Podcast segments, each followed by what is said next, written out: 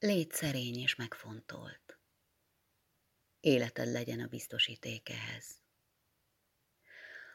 Ha már rájöttél, mi az élet célja, a szerint élj, hogy bensődnek megfelelj.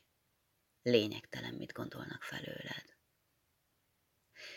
Érd be azzal, hogy hátralévő napjaidat, bármennyi van még hátra, éned belső parancsának megfelelően morzsold le. Annyi tévegés után végre rájöttél, hogy a boldogságot meg nem lelheted a gazdagságban, a hírnévben, az élvezetben, de a képmutató szeretetben sem. Hol lakik hát?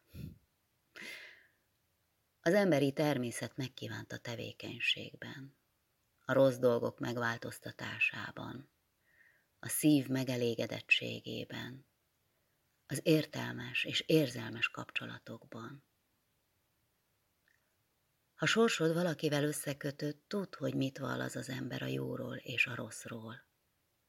Amint nem vetheted rossz néven, hogy a fügefa fügét terem, így azon sem szörnyűködhetsz, az emelkedett lélek a jóra, a romlott pedig a gonoszságra hajlik.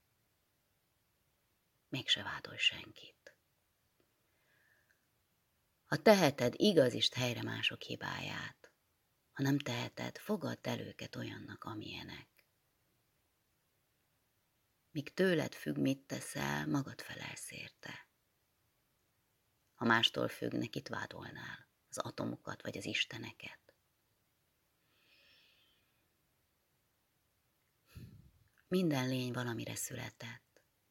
Az ember, az ökör, a szőlő és a kő is tudja a maga szerepét. Emberrel semmi nem eshet meg, ami nem emberi.